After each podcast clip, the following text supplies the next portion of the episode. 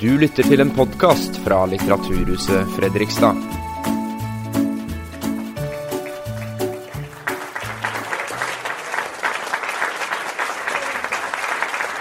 Velkommen til Litteraturhuset. Det er utrolig hyggelig å se eh, at en lærer har funnet det riktig å sende en klasse fra Glemmen. Var det det, eller var det Greåker? Greåker. Velkommen spesielt de unge. Fordi antikken er evig aktuell. Og vi er veldig glad for å ha Kristine eh, Amadou, førsteamanuensis ved Universitetet i Oslo, som eh, skal fortelle oss om eh, hva det er som gjør antikken så attraktiv, og at den er fortsatt evig aktuell. Høgskolen i Østfold og forskningsgruppen Areas er glad for samarbeidet med Litteraturhuset i Fredrikstad om å invitere Kristine til Litteraturhuset og til Fredrikstad. Jeg heter Rania Maktabi, og jeg er førsteamanuensis i statsvitenskap ved Høgskolen i Østfold. Og øh, jeg har øh, hatt gleden av å være både kollega som akademiker, men også som venn med Kristine. Og det kommer jeg tilbake til litt senere. Kristine jobber ved Institutt for filosofi, idé- og kunsthistorie og klassiske språk langt. Men du har dybdekunnskap om, uh, om idéhistorie. For to år siden kom hun ut med boka 'Hva er antikken?' Den er å få kjøpt der ute. Og jeg må si uh, jeg vil kalle den 'Hva er?'-serien som universitetsforlaget gir ut, det er en uh, gullrekke med små, vidunderlige forundringspakker av vitenskap, kunnskap, formidlet på en fantastisk go god måte. Så Kristine, du er en, en pri privilegert uh, forsker som da har fått den invitasjonen om å skrive i den serien. Og jeg er veldig glad for at du skal på en måte give us a short introduction to uh, antikken. Kristine, uh, men først så har jeg lyst til å sette deg litt i, i din forskergjerning i en litt større kontekst. Og jeg har plukket ut tre ting som forteller litt om deg som gjesteforeleser hos oss i kveld og hvorfor du er blitt invitert.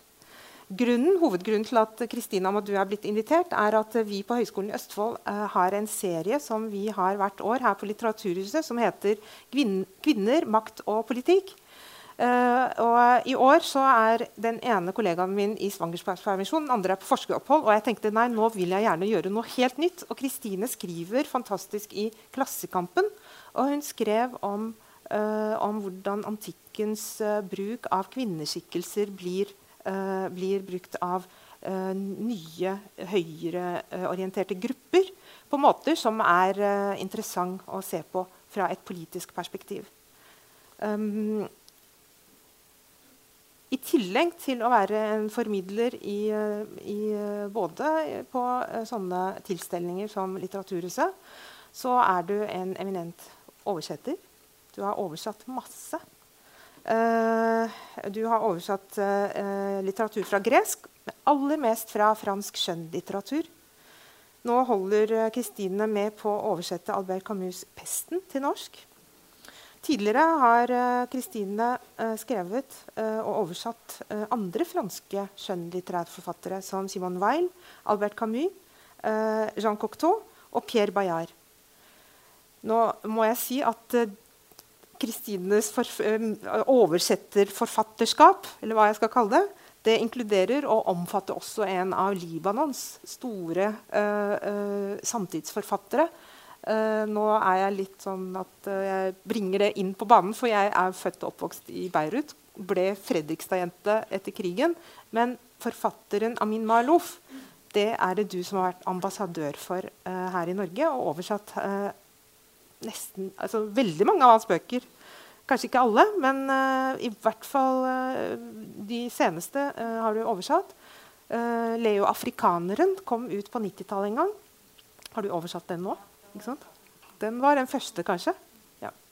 Så den har så forfatt, Oversettergjerningen er en viktig del av din, din, din formidlingsgjerning. Noe jeg liker spesielt godt med Kristines forsknings- og oversettelsesarbeid, er da din insistering på hvor nært bundet den såkalte Østen og Vesten er. eh, via felles idéhistorie, felles geografisk område, kulturelle referanserammer som er overlappende. Mens flere mannlige og jeg understreker faktisk mannlige, idéhistorikere og kolleger av Kristine eh, blant annet, og nå er det bare sånn name-dropping, Trond Berg Eriksen og til tider også historiker Øystein Sørensen de har synes jeg, ofte et ahistorisk og til tider et apolitisk perspektiv på nettopp denne overlapping mellom øst og vest. Jeg syns Kristine har et helt annet utgangspunkt. Du har, uh, og jeg siterer hva du skriver i noe som du formidlet i Klassekampen uh, i februar i fjor. Grekernes 400 år under osmansk styre passer dårlig inn i fortellingen om en ubrutt linje fra antikken til i dag. To sider i Klassekampen som uh, var svært informativ. Altså dette her med å på en måte se bort fra nettopp den overlappingen og samkvemmet mellom et kulturområde Og nå vil jeg ha hjelp av uh, Anne til å vise uh, hvor nært knyttet det området er. Uh, og, og det, det, er ikke noe geografitime her, men for å vise det kulturfellesskapet som eksisterer i et område som blir beskrevet som veldig nært opp til Norge. Uh, Norge er ikke på kartet her. Beirut er her. Bare for å minne dere. Uh, uh, altså her Beirut, Kypros, Hellas. Vi har et område her som er, har et kulturfellesskap, og som er så nært i mange tusen år.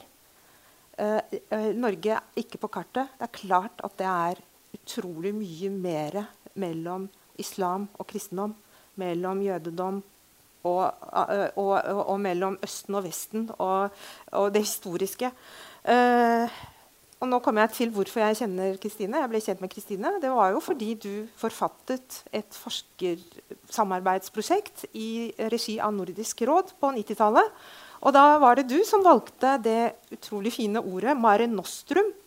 Og hvis jeg husker riktig, så var det 'Vårt hav', Mare Nostrum, eh, som romerne kalte Middelhavet. Vårt hav. Eh, men det var også vårt hav, Midtøsten. ikke sant? Så middelhavsområdet som et, uh, et arnested for uh, veksling av kultur, idéhistorisk bagasje, det er det som jeg husker at det var interessant å bli kjent med deg. Og vi samarbeidet om å nettopp vise på mange ulike opphold og prosjekter, konferanser, Eh, denne, denne, overlappingen i interesse. Uh, jeg skal uh, si tre ting. og Når jeg først er på Midtøsten, så uh, er det ofte Og du skal komme nå inn på mye om hvordan antikken brukes i vestlig kultur. jeg skal også bare føye til at antikken er alltid evig aktuell, også når man snakker fra Midtøsten. Så når jeg skrev en del om at kvinner i Kuwait fikk, fikk stemmerett i 2005. Hva er det jeg starter min uh, forskningsartikkel med? Eller, uh, det, jo, tenk dere hvis kvinner i Aten fikk stemmerett. Sånn var det i Kuwait. Menn hadde stemmerett uh, i 40 år, og så får kvinner stemmerett. Hva skjer med samfunnet når kvinner får stemmerett etter at menn har hatt det i 50 år? Poenget er at Kvinner hadde jo aldri stemmerett i Aten. Og eh, vi i statsvitenskap vi eh, eh, vi, eh, vi, leser om hvor fantastisk demokratiet var. Og det var jo bare 10% som virket inn, som, som, var med på det. Hvordan ville Athena sett ut hvis kvinner hadde stemmerett? Det andre eksempelet jeg har lyst til å trekke fram fra Midtøsten, er at for et lite land som Emiratene innførte militærplikt i fjor, eller forfjor. Og hva er det man eh, begynner å nå eh, tenke på den endringen i framstillingen av militærmakt i eh, Gulfen? Jo, nå ønsker eh, regimet i Emiratene, som nå er i krig i Jemen, å fremelske den spartanske mor, hva sier man, Sparta, som mor, som modell for krigernasjonen Emiratene. Så Sparta blir brukt som en slags type modell for at, mor, altså at morsskikkelsen blir en rollefigur for emiratiske kvinner. Det tredje og siste, og nå skal jeg avslutte, og nå håper jeg at vi har forlatt Mare Nostrum. og Det er nå snart 20 år siden vi har samarbeida. Men du har sagt kanskje vi skal treffes i Aten og snakke om et helt spesielt interessant tilfelle av uh, en status i Aten, uh, som, eller i, gamle, i, antikken, som het metoikere. Er det riktig? Metoikere. Jeg har alltid sagt metoikere, men det er en status som ble tildelt, eller som, som folk som bodde i Aten men som ikke var borgere av Aten, fikk. De var, Ofte av dem så var de velstående. De var på en måte av bystaten, men ikke borgere av bystaten. Og utrolig nok kan dere tenke dere at Aristoteles var en metoiker. Han skrev masse om demokrati i Aten, var aldri borger av Aten. Denne statusen er noe vi har fortsatt i dag i eh, verden eh, statsløshet i, for, i, den forstand at det er mange borgere som bor unnskyld, mange som bor i land hvor ikke de får statsborgerskap. Tilbake til Gulfen. Det eh, er mange statsløse, mange, mange metoikere, vil jeg si, som da bor og har bodd der i generasjon, som aldri er borgere. Så vi skal møtes i Aten og forhåpentligvis starte et Metoika-prosjekt hvor vi ser nettopp det fellesskapet i det historisk og politisk. Kristine, var eh, en lang introduksjon, eh, men eh, jeg håper at du nå øser, oss, øser over oss masse kunnskap om antikken. Ordet er ditt.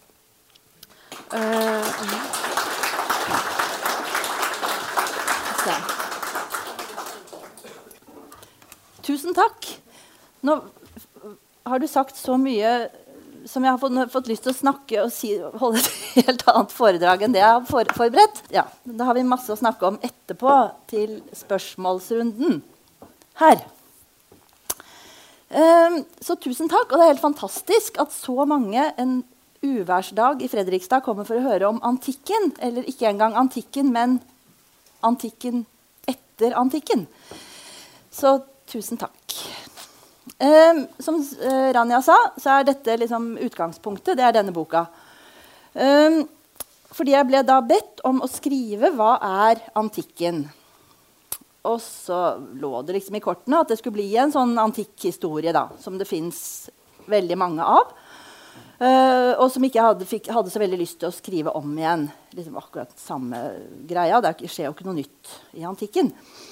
Um, men så tenkte jeg men det, er, det står jo, den serien den heter 'Hva er?' Den heter ikke 'Hva var?' Så da kan jeg ta meg den frihet og skrive om hva er antikken i dag.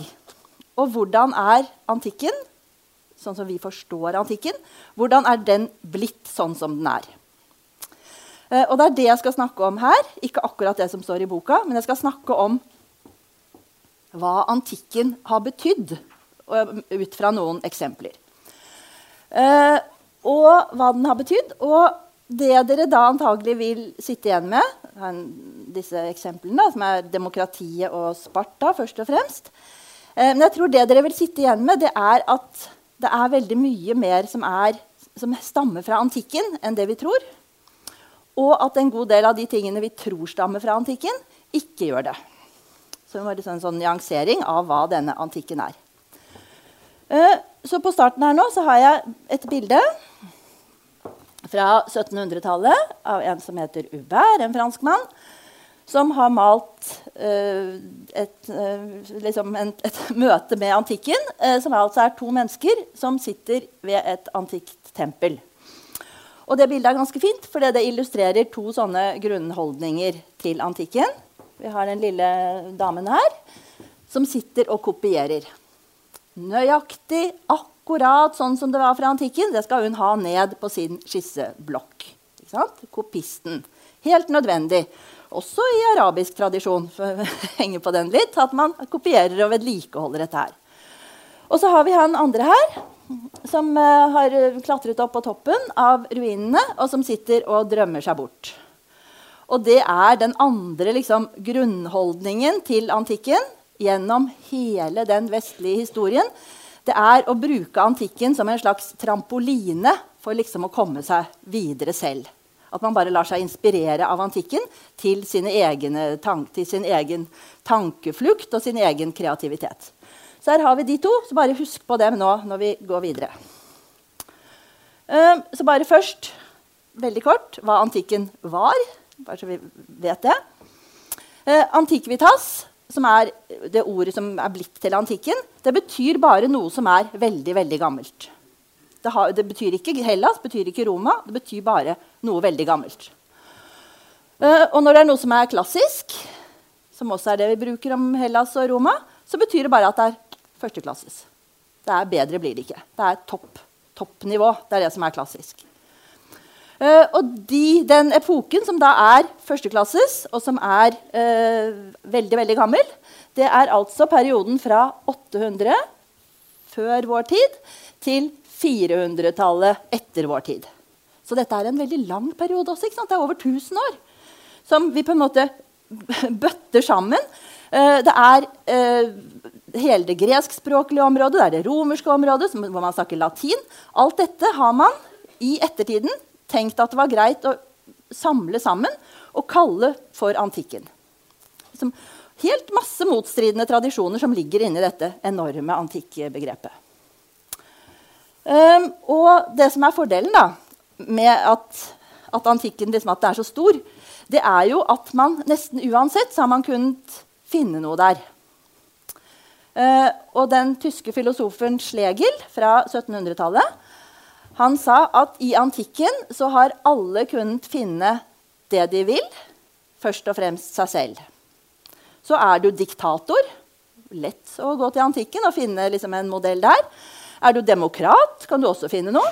Er du lyriker, kan du finne noe. Er du romanforfatter, kan du finne noe. Er du deprimert, kan du finne noe. Er du optimist, kan du finne noe. Absolutt alt kan du finne modeller for i denne kjempestore antikken. Um, her. Er det noen som har en sånn en på skoen i dag? ja. Det er det sikkert eh, noen som iallfall ikke har det nå. Så har de så er dette en Jeg vet ikke om det heter logo ja, når det er sånn bilde og ikke, ikke skrift. Men dette er iallfall Hvordan vil dere uttale navnet på det merket der? Nike, ikke sant? På amerikansk. Nike-logoen. Eh, vi skulle, hvis vi skulle si det ordentlig, skulle vi si Nike. For det kommer av den antikke seiersgudinnen Nike, som heter Victoria på, på latin. Eh, så dette symbolet her har da skofabrikken, Nike, Nike, det bruker de på sine sko. Eh, og når de gjør det, så er det en, en direkte henspilling på denne eh, statuen, eh, som står i Paris, og som heter Nike fra Samotrake, som er en antikk fremstilling av seiersgudinnen. Og den vingen hennes den har liksom vært verdensberømt. Uh, og kunsthistorikere har liksom sagt tenk at det går an å få så mye fart inn i marmor. Liksom at man kan ha et så dødt materiale som likevel uttrykker så mye fart.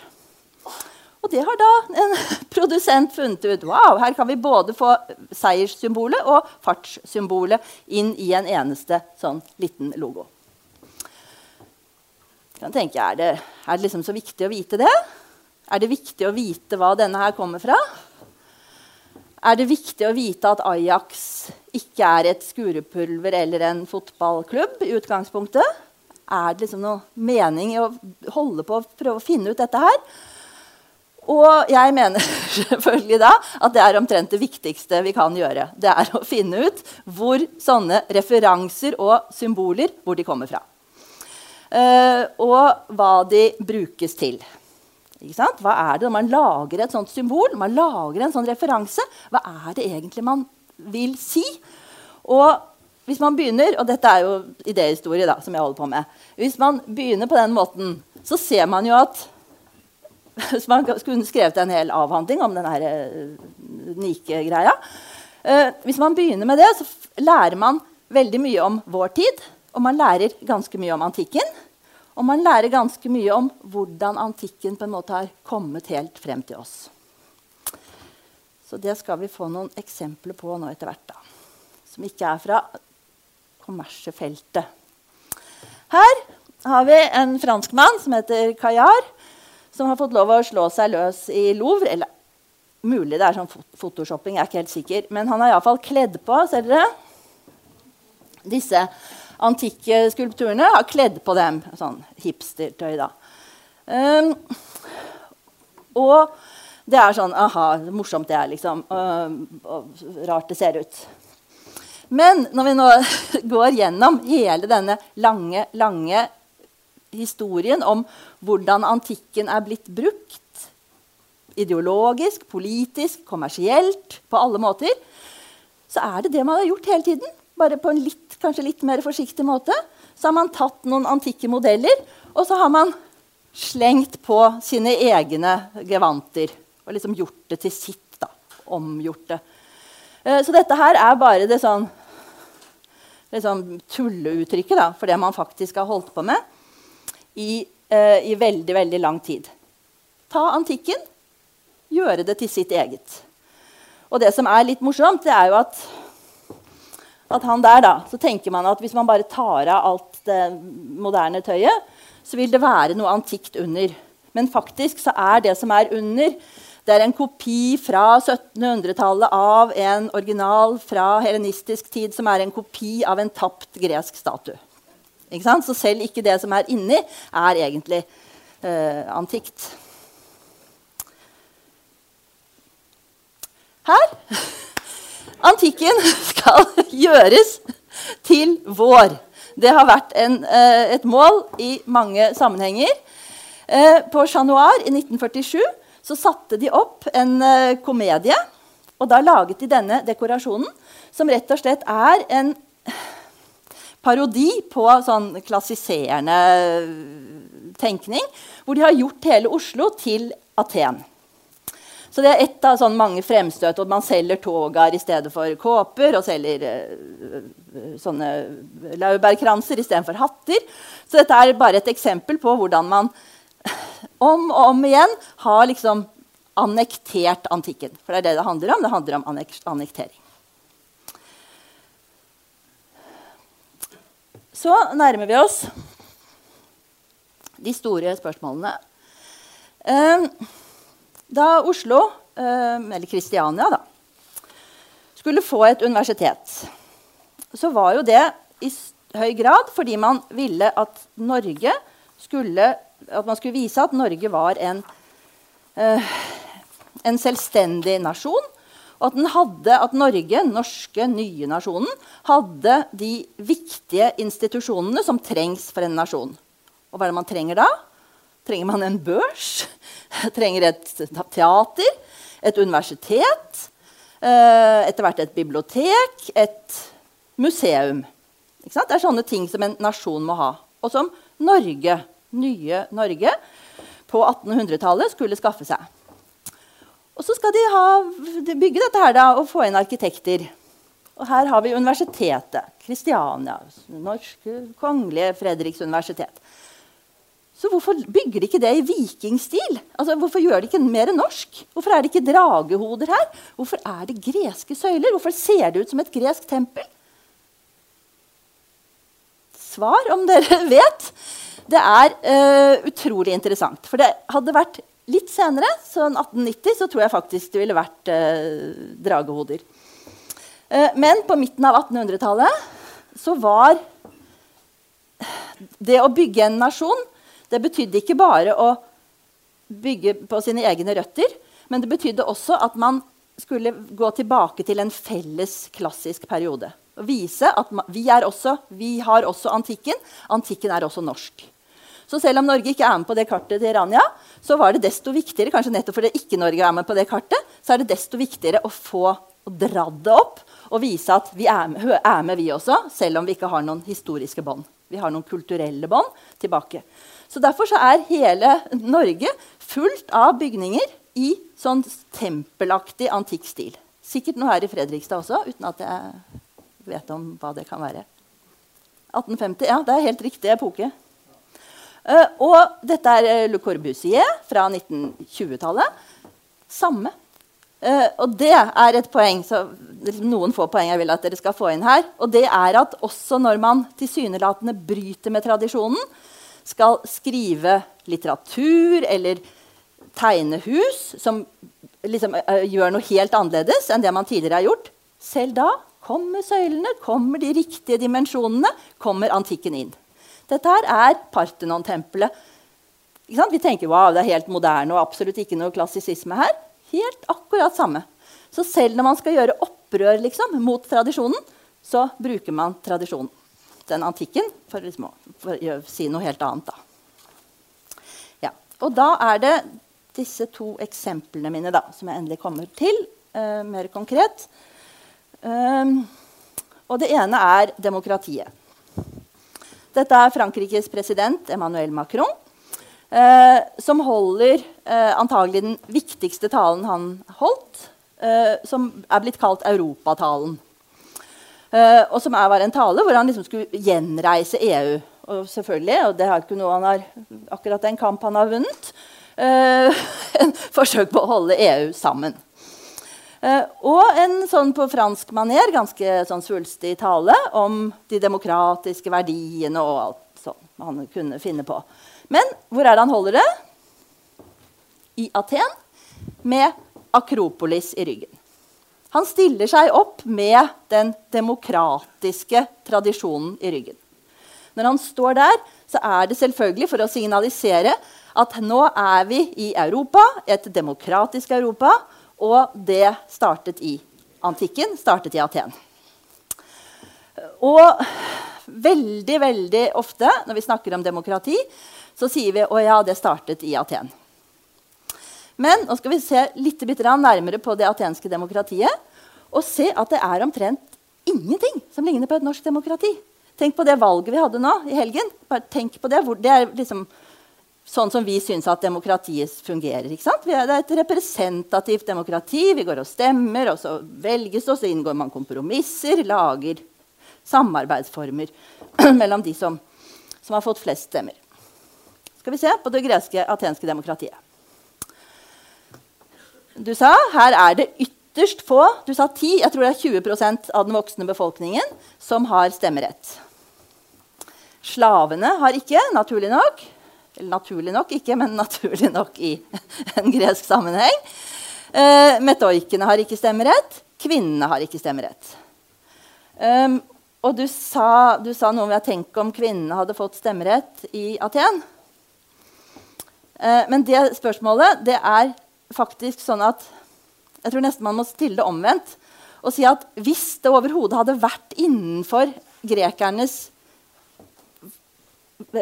fantas fantasihorisont å gi kvinner stemmerett, så ville hele tenkningens historie videre vært annerledes.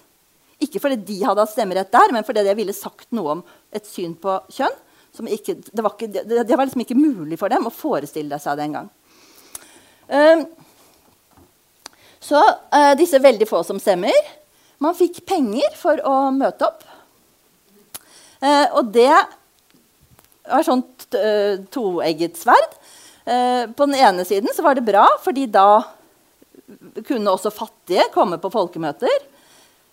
men kritikken den var, kom raskt, og den sa at nå er det jo bare fattige som kommer for å stemme. Nå er det bare de fattige som møter opp, for de får penger for det. Den, sånn.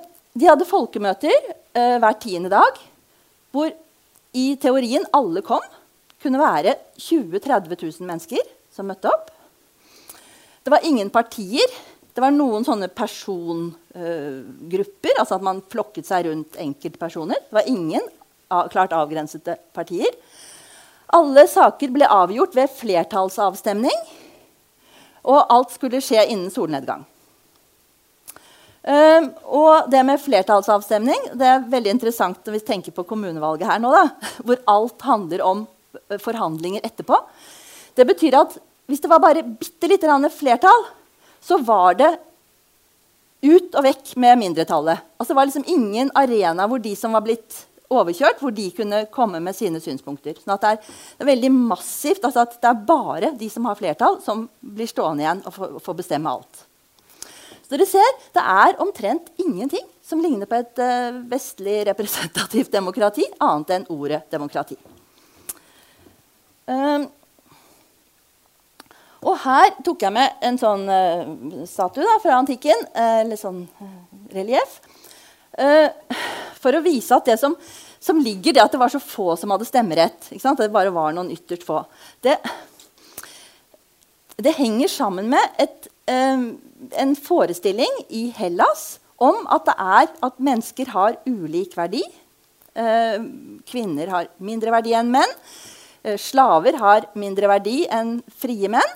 Eh, og at den eh, graderingen av mennesker da, den kommer frem i fremstillinger som denne, som faktisk er to voksne, like, antagelig like høye damer. Da.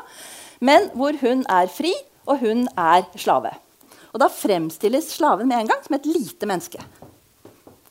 Uh, nå har ikke hun, uh, Uansett hvor stor hun er, hun fri der, så har ikke hun heller stemmerett. Men tilsvarende for en mann vil være at, at du skal være fri altså du, du, er stor og har en egen annen verdi når du er en fri borger.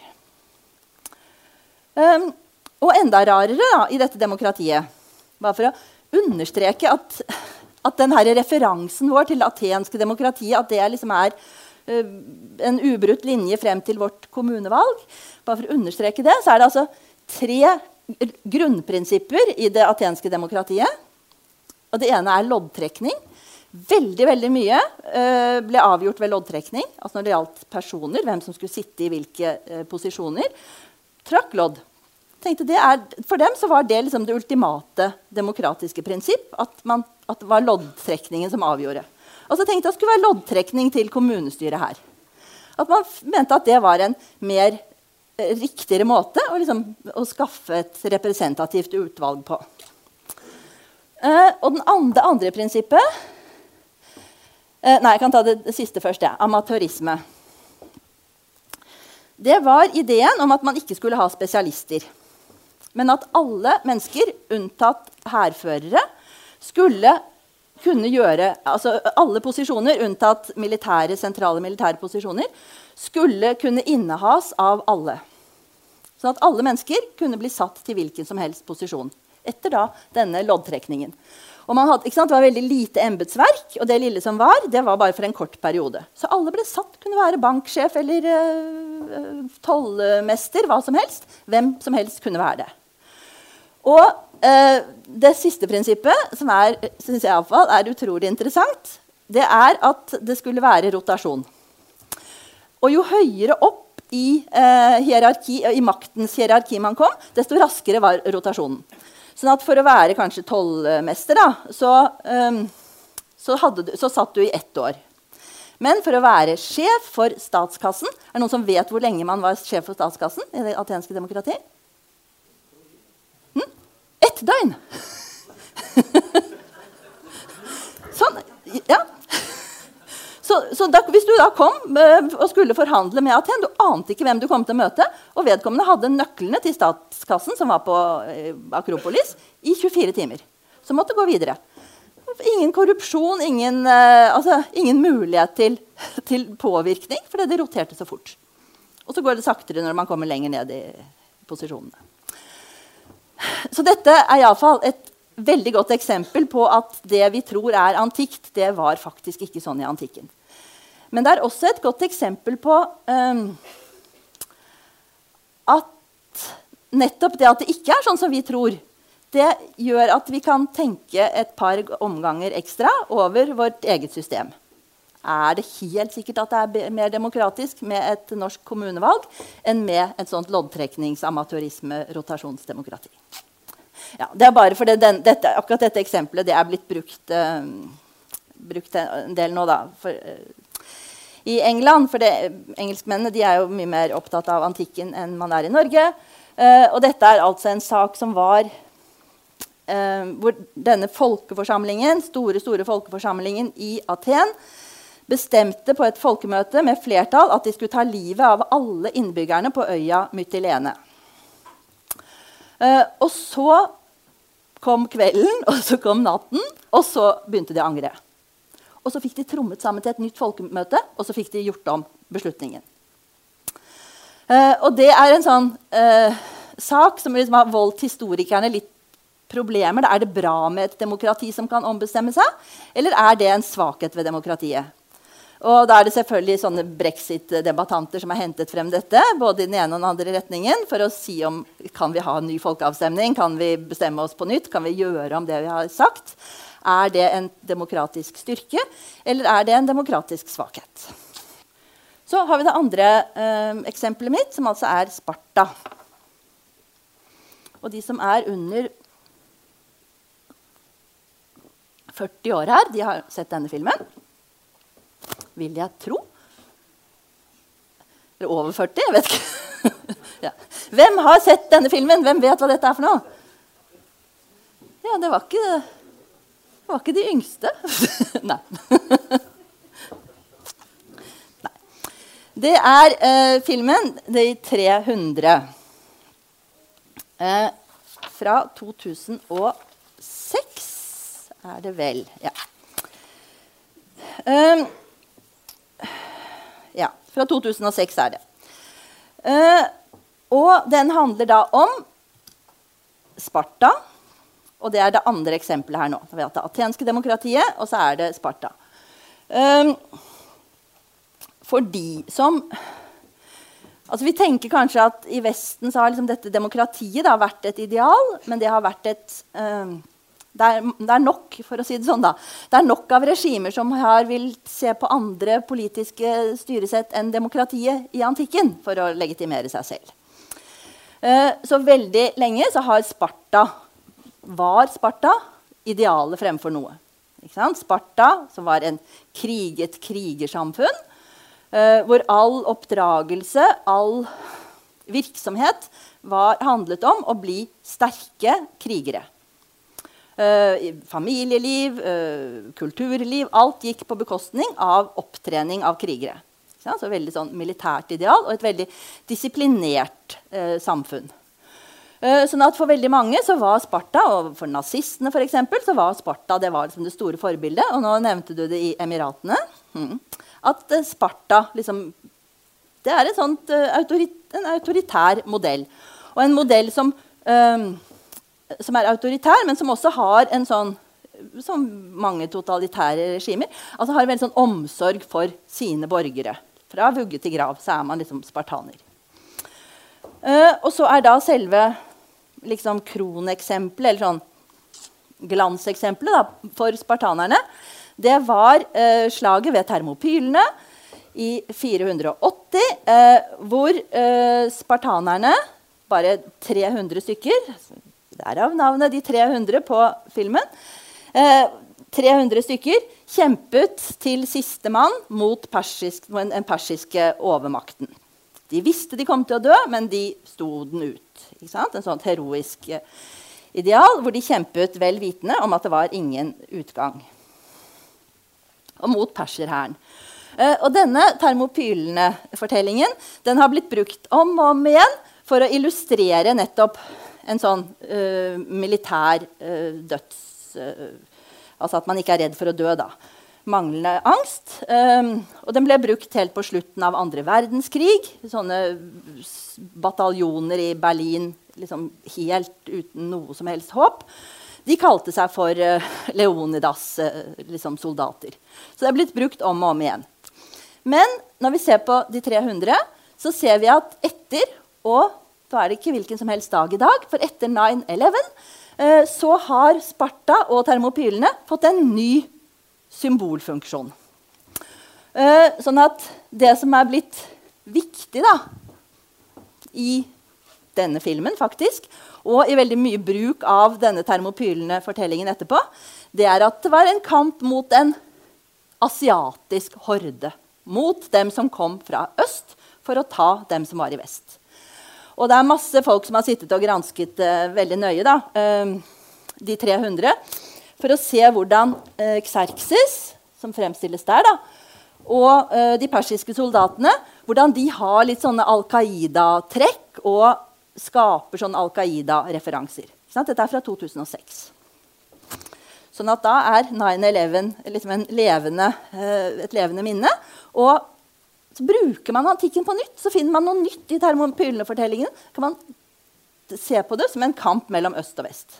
Og ikke bare som en sånn militær, eh, heroisk aksjon. Så her har vi en, eh, et bilde til da, fra den filmen. Uh, hvor det er, Dere ser at der har de alle soldatene har fått sånn, en sånn L på skjoldene sine. Og den L-en det betyr, det står for Lakedaimon. Altså det er en L, gresk L.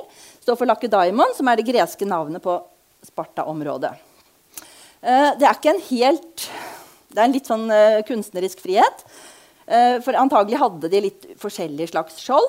det ikke det er ikke funnet liksom, tusen skjold med sånne tegn på, men det har man brukt i denne filmen da, for liksom å homogenisere spartanerne. Og så er det, etter denne filmen, så hentes det da opp av forskjellige bevegelser. Uh, og den bevegelsen som jeg har brukt, som jeg har bilde av her, det er en fransk høyreekstrem bevegelse. Og de har tydeligvis sett denne filmen og hentet symbolet sitt fra den. Altså Deres kjennskap til antikken Det kan, kan godt hende det, at de kan mye om antikken, men de har iallfall brukt symboler som er fra en ganske popularisert versjon av antikken. da. Um, og denne bevegelsen i Frankrike den oppsto i 2012. Uh, den har som hoved liksom, Det viktigste den gjør, da, det er å uh, bekjempe innvandring. Det er deres viktigste funksjon.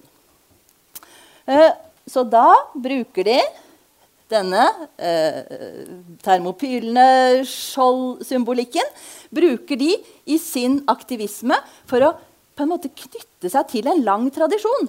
Så dere ser at det der å knytte seg til antikken det er ikke bare å lage temp tempellignende universiteter, men det er fremdeles i dag, og vi kan finne det på alle politiske hold, det er å påberope seg at man er liksom i en sånn lang, lang tradisjon. Og det gjør også disse her. Og um, det de da, ja, som var deres hovedaksjon, uh, det var i Alpene i fjor. Uh, hvor de rett og slett gikk. Altså En fransk høyrerettet ungdomsorganisasjon med noen sånne tentakler inn i Nasjonal Front, men som stort sett er ganske mye lenger til høyre. Uh, hvor de gikk opp og sa at nå er vi, vi er liksom de nye, dette er vårt Termopylene, et sånt fjellpass i Alpene. Og hvor de rett og slett laget et sånt uh, symbolsk gjerde for å avgrense mot ulovlige immigranter. Og stiller de seg opp med termopylene som ideal og med denne Sparta-L som sitt symbol.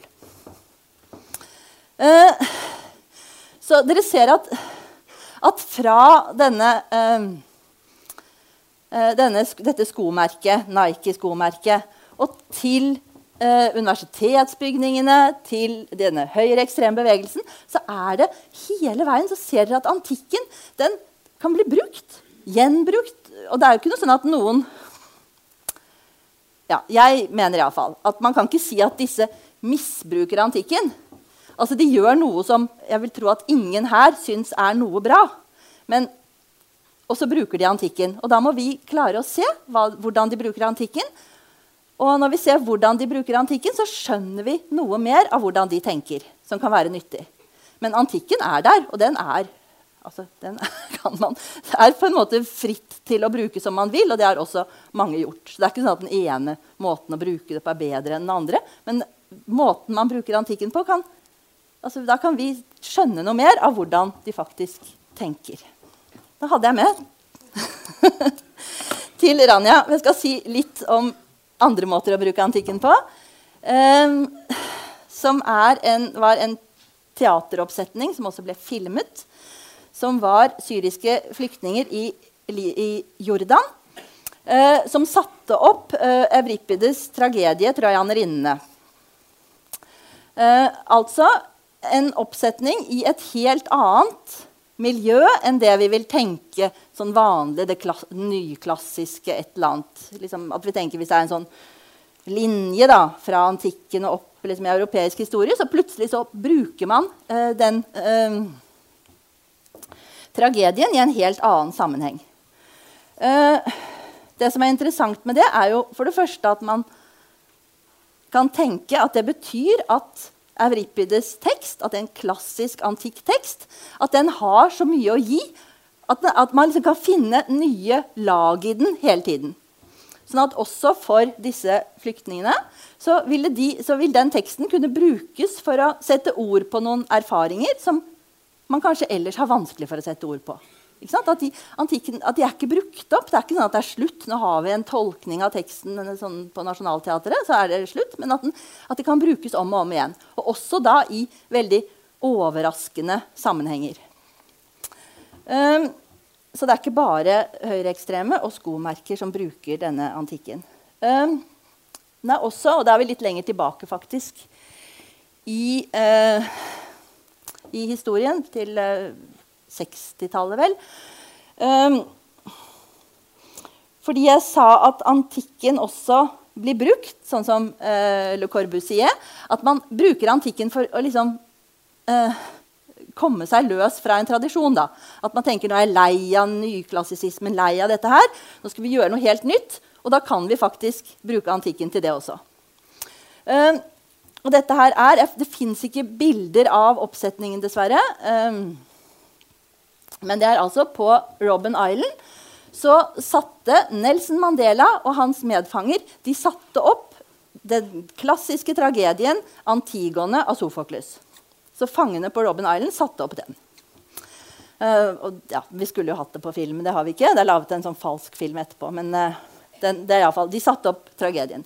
Og da de gjorde det, så var jo det et opprør mot Se på denne bløtkaken av et nyklassisk parlament i Pretoria.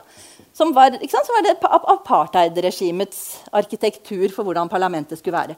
Sånn at, sant, De setter opp tragedien som et slag i ansiktet på den, det regimet som liksom tenker at de forvalter tradisjonen. Da. Sånn at man har Oh, de sitter der i dette parlamentet, og de kan gresk, de kan latin. Det er liksom der vi har tradisjonen. Og så kommer det inn fra sidelinjen noen som bruker akkurat den samme tradisjonen til å slå tilbake. Um, så det kan man tenke seg. Det er liksom noe som skjer gang på gang. At denne antikken den er ikke, den er ikke bare én linje. Den er veldig mange linjer, og de kan til og med uh, støte mot hverandre. Så nå begynner jeg å nærme meg slutten. Ja, jeg hadde lyst til å si noe om denne eh, tradisjonskritikken. da. Eh, siden Rania sa at jeg har oversatt, så er jeg litt opptatt av oversettelser. Eh, og nå det, fins det veldig mange som har oversatt eh, 'Odysseen' av Homer. Eh, og i 'Odysseen' så handler det bl.a. om Penelope, Odyssevs kone, som sitter sikkert mange som har hørt, hun sitter og vever et teppe. Og for å slippe å gifte seg med noen annen mann enn Odyssevs, så sier hun at jeg skal gifte meg den dagen teppet er ferdig. Uh, og så vever hun, og så hver natt så rak, rek, rekker hun opp all, hele veven sin. Uh, det er en handling. Uh, og denne teksten er da blitt oversatt til europeiske språk, og da står det bl.a. om hånden til Penelope. Og det ordet som brukes på gresk, det betyr tykk. men en tykk hånd er liksom ikke så fint. så i norske oversettelser så blir den hånden kalt fyldig eller mjuk. Det er sånne ord man bruker, for det er sånn man tenker at en kvinnehånd bør være. Dette er oversettelse fra 1800-tallet. Men så har vi en dame, en engelsk dame som heter Emily Wilson, som har oversatt. Og hun sier at hånden er muskuløs. For det er så mye hun har jobbet med den veven, så har hun blitt sånn kjempesterk i hånden. Så den er tykk. Det er en skikkelig kraftig hånd. Men det er et ord som ikke har villet kunnet gå inn i denne tradisjonen. Uh, har, så selv, selv, de tekstene vi har, de er farget av hvordan man mener at antikken har vært. Og da mener man at den har vært veldig lik, hatt veldig de samme idealene som dem vi har. Til slutt Pallas Athene. Um, uh, For jeg sa Eller hvis jeg ikke sa det, så sier jeg det nå at, uh, at veldig mye altså det at Når vi oppdager at ting i antikken var annerledes enn det det er for oss, sånn som demokratiet, så setter det tingen, våre systemer og tanker utfordrer oss. Liksom se, går an å faktisk å gjøre ting helt annerledes enn sånn som vi gjør det? Uh, så at, at, det, at, at, antikken er veldig lenge så har man tenkt at antikken er helt lik oss. Og lett etter likheter. Og etter hvert nå så har man begynt å se mer og mer forskjeller. Og at det faktisk er veldig spennende å se hvor annerledes ting har vært. Og det er liksom en sånn korreks.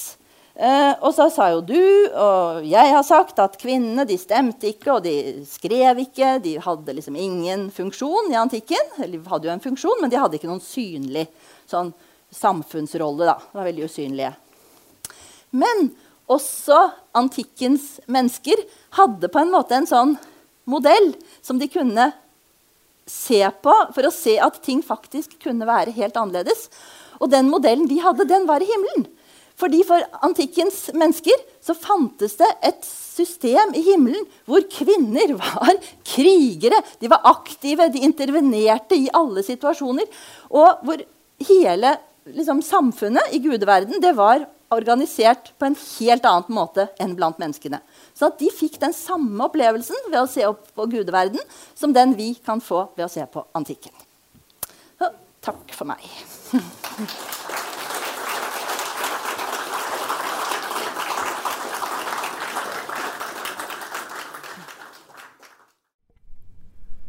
Nå har du hørt en podkast fra Litteraturhuset Fredrikstad. For mer informasjon, klikk deg inn på litthusfred.no.